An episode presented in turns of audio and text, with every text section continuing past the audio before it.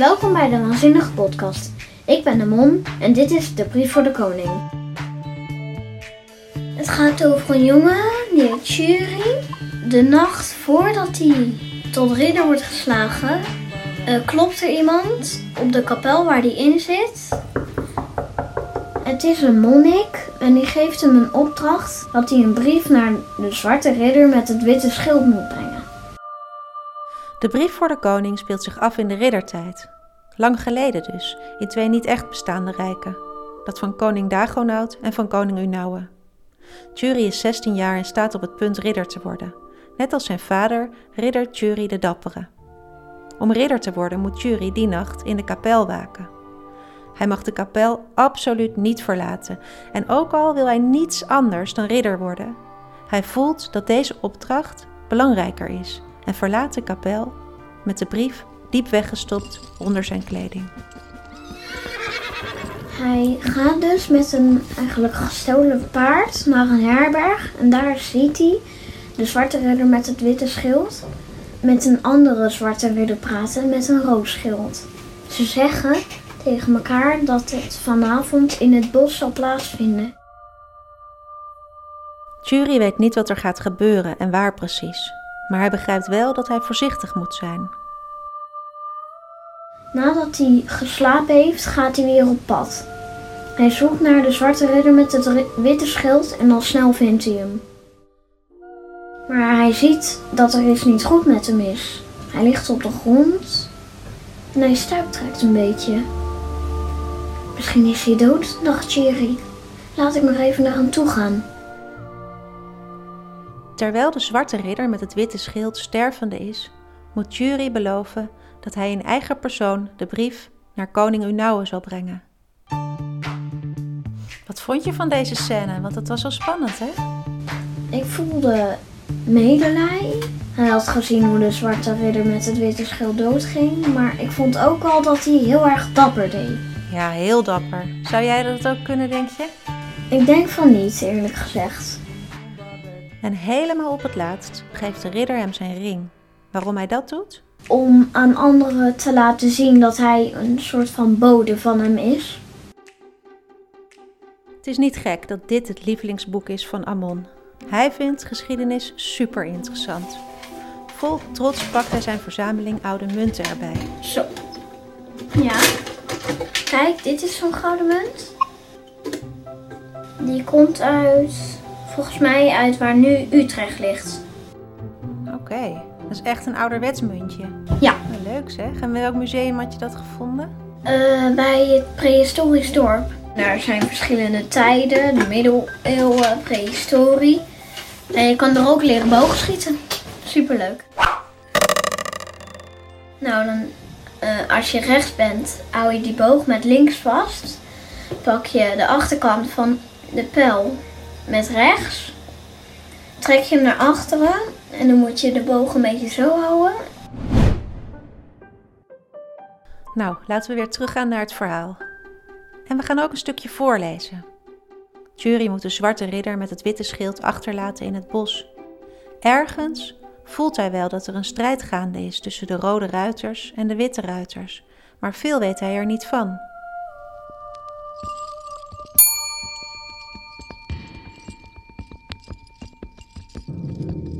Een ogenblik later was hij op weg. Zich veel ouder en ernstiger voelend dan korte tijd geleden. Toen hij een poosje gereden had, hoorde hij gekraak van takken en een eindje voor hem verscheen een man te paard die hem tegemoet kwam. Hij was uitgerust als voor de strijd, met helm en maliënkolder, lans en zwaard. Zijn wapenrok, schild en de veer op zijn helm waren rood als bloed. Een van de rode ruiters, Jury. Hij herinnerde zich dat hij geen enkel wapen bij zich had. Ondanks deze gedachte reed hij kalm door en probeerde te kijken alsof er niets aan de hand was. De rode ruiter ging wat opzij om hem te laten passeren. Jury reed met kloppend hart langs hem heen, maar voordat hij voorbij was, sprak de ruiter hem aan. Hé hey, vriend, zei hij, wat doe jij zo vroeg in het bos? Waar kom je vandaan en waar ga je heen? Dat is mijn zaak, antwoordde Jury kortaf. Goedemorgen. Hij reed verder, elk ogenblik verwachtend een wapen in zijn rug te krijgen. Er gebeurde echter niets. Hij herademde, maar durfde niet om te kijken of zijn gang te versnellen. Toen hoorde hij de ruiter achter zich iets roepen. Hij kon niet verstaan wat. Nu keek hij toch op en zag dat er een tweede rode ruiter bij was gekomen. Ze keken hem beiden na. Een van hen liet nogmaals een geroep horen. Jury hoorde dat het door iemand anders ver weg beantwoord werd. Hij werd ongerust en zette zijn paard aan vlugger te lopen.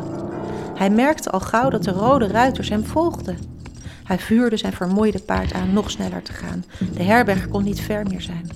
Plotseling kwam er rechts van hem nog een rode ruiter tevoorschijn, die hem op barse toon beval halt te houden. Voordat Jury daarop kon antwoorden, verscheen er van de andere kant een vierde ruiter, die hij nauwelijks kon ontwijken. Nu sloeg Jury werkelijk op de vlucht. En eensklaps bleek het hele bos vol rode ruiters, die het allemaal op hem voorzien hadden.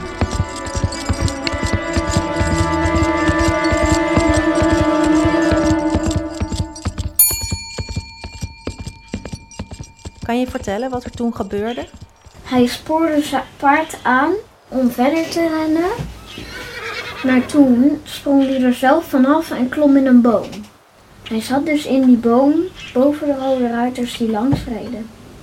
En zo heeft hij ze weten af te schudden. En dit is nog vrij aan het begin van het boek. Nu begint de reis van Tjuri pas echt. Op weg naar Unauwe via de bron van de Blauwe rivier. Onderweg ontmoet hij verschillende mensen. Iedereen lijkt aardig, maar kan ook een spion van de Rode Ruiters zijn. Eén daarvan is Jaro. Jury vertrouwde Jaro niet helemaal, maar alsnog liet hij hem met hem meelopen. Een keer viel Jaro bijna in een klif en omdat Jury hem redde, veranderde Jaro van gedachten. Hij zou hem niet vermoorden en achtervolgen. Hij had zijn leven gered. Jaro laat Jury op een gegeven moment weer alleen verder reizen. Maar vertelt hem nog iets belangrijks.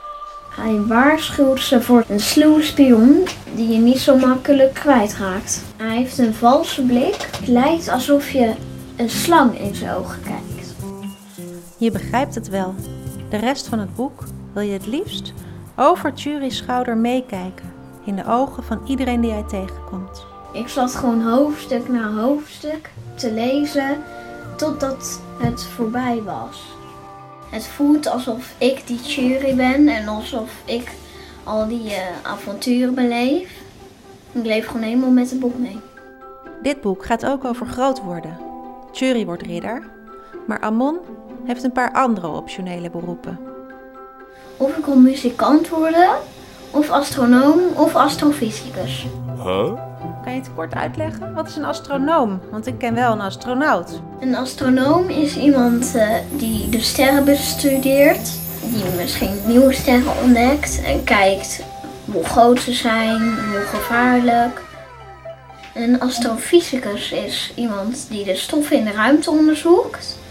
Stel, dan heeft hij een stofje en dan gooit hij dat bij een ander stofje. En dat zet ze dan weer op een onbekende planeet buiten ons zonnestelsel.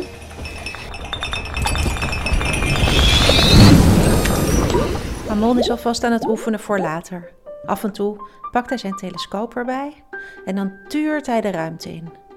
Wat hij dan ziet? Uh, de maan en één keer ook de overbuurman in een hele hoge flat. Huh?